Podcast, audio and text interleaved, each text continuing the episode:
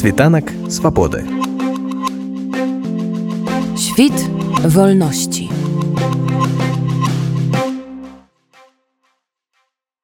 Не праходзіць і тыдня, каб мне не напісалі людзі з запытам на тое, каб я зрабіла ім строй ці хаця б які-небудзь элемент. Часцей за ўсё хочуць замовіць кашулю.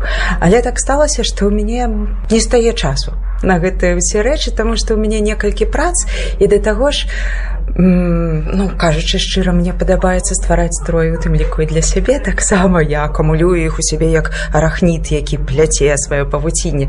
Вось. І мне насамрэч было прасцей зарганізаваць школу каб людзі самі вучыліся стваралі сабе строю чым рабіць іх на замову. Таму што стварэнне кожнага строя это вельмі вельмі карпатлівая доўгая праца. На прыклад настрой які на мне які здаецца вельмі просты тут небагата вышыўкі на яго сышло некалькі месяцаў працы это першае а другое мне даставляе велізарную просто неймаверную радасць апранаць насіць ужываць тое што я раблю сваімі руками. Это это велізарнае задавальненне і мне хацелася падзяліцца магчымасцю гэтага задавальнення яго атрымання з іншымі людзьмі Таму што я ўпэўненая як былая выкладчыца ў тым ліку і мастацкай вышыўкі я ўпэўнена што шыць вышываць асабліва традыцыйнае адзенне якое не вымагае вялікіх навыкаў кроя напрыклад. Можа кожны. Толькі варта трошки набыць цярплівасці веры ў сябе і часу вольнага. Таму вось хачу каб ва ўсіх жадаючых быў строй створаны сваімі руками тому что одна справа замаўляць у кагосьці другая справа пазычаць на пракат браць а третья справа насіць тое что вось выпіставана зроблена ўласнымі руками. Будзе школа выключна такой практычнай накіраванасці ці вы все ж таки будете ўжаць нейкую тэорыю бо наколькі я ведаю нават у розных кутках беларусі трое розныя адрозніваюцца. Ці будуць ведаць ваши вучні аб тым что напрыклад на магілёўшыне такія звычайна строі насілі там на гарадзеншыне іншыя?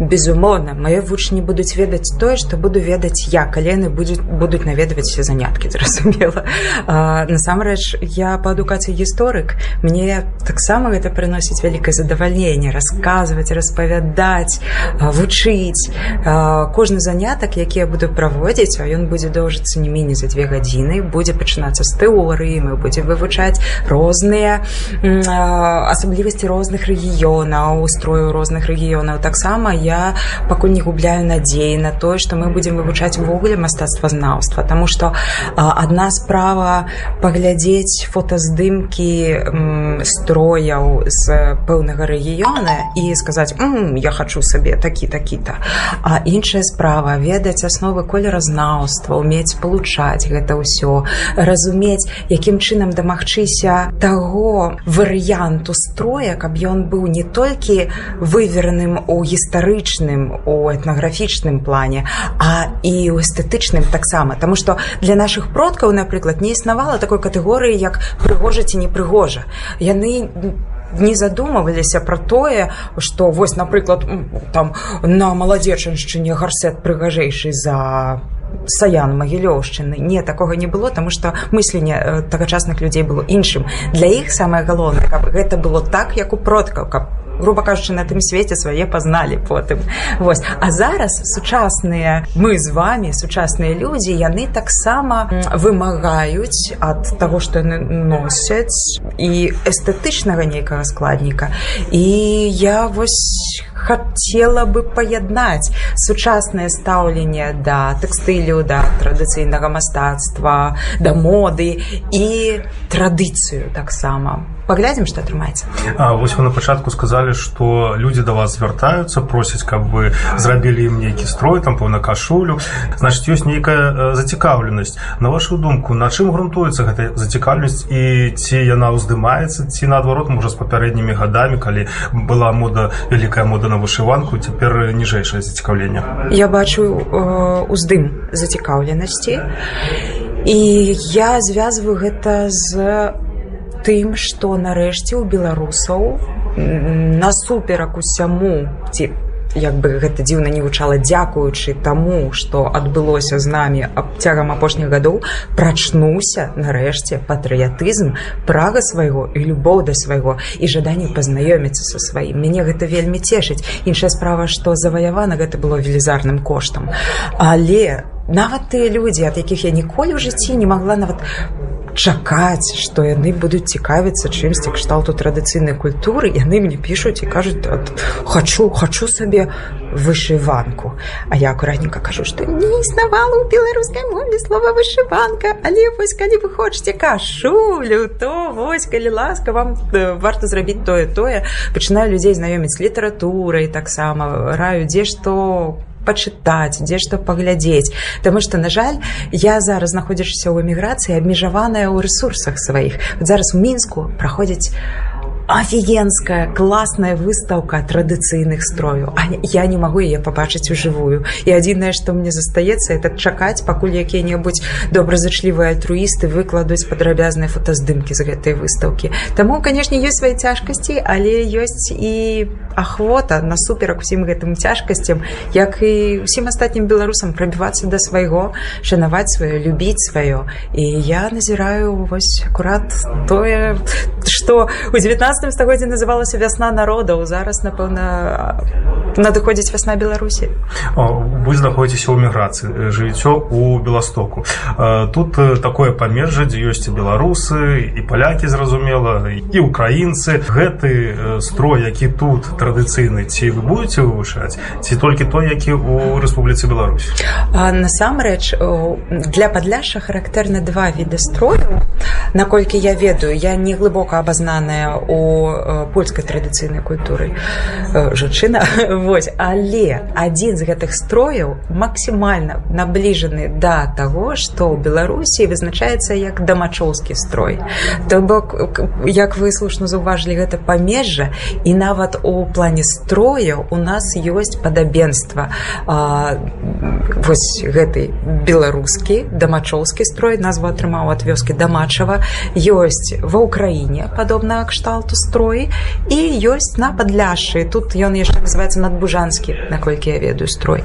І так безумоўна мы бы з задавальненнем мы яго таксама разгледзелі вывучылі но там ёсць з ім невялічкія цяжкасці па-першае каптур. Не кожнаму будзе падуладна пашыць каптурык насамрэч это такая справа да якой трэба саспець спачатку трэба кашулю навучыцца кроіць а ўжо да каптуроў калі-небудзь у канцы восьось а яшчэ у гэтым тутэйшым строі часта выкарыстоўвалася ткацтва не вышыўка на кашулях.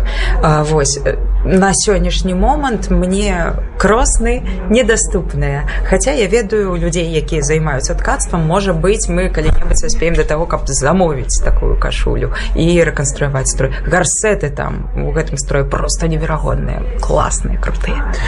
Як будуць праходзіць заняткі? Ваши вучні павінны будуць прыносіць матэрыялы там ніткі тканіну ці яны будуць атрымліваць гэта ўсё тут? Пакой дзе будуць адбывацца заняткі там стаяць матэрыялы неабходныя для першасных першых заняткаў.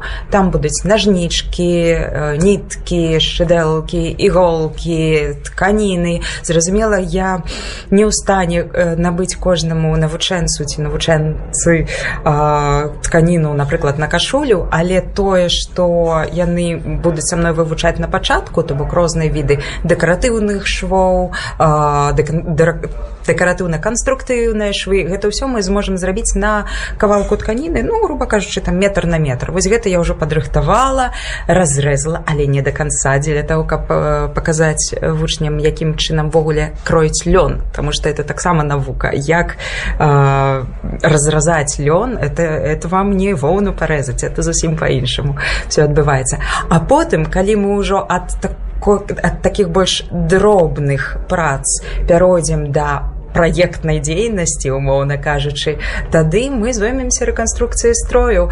Паглядзім якім чынам пойдзе у нас працэс тому что у кожнага ўзровень падрыхтоўкі безумоўна розны. І як паказвае практыка на жаль трэба арыентавацца на тых хто у хвасце чым на тых хто на вяршыні гары. На жаль ці на шчасце.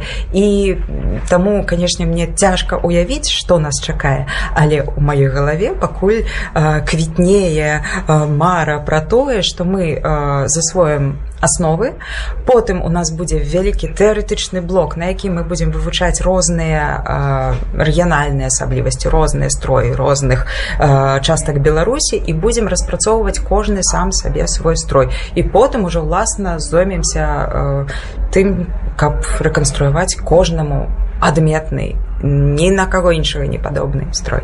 Колькі вучняў у вашай школе і як часто будуць праходзіць заняткі заняткі будуць праходзіць раз на тыдзень а на сённяшні момант у мяне 33 заявкі я не ведаю як это ўсё нас адбудзецца ну як паказвае практыка 10 палова вучняў прабачце мне за ўжыванне гэтага слова адваліцца бліжэйшым часам таму я думаю застанецца ну добра калі чалавек 15 гэта будзе тры групы у сераду зранку зранку у першай палове дня у чацвер вечарам і у суботу таксама зранку. Заняткі будуць дожыцца каля дзвюх гадзін дзве дзве з паловай. Світанак свабоды. Świt wolności.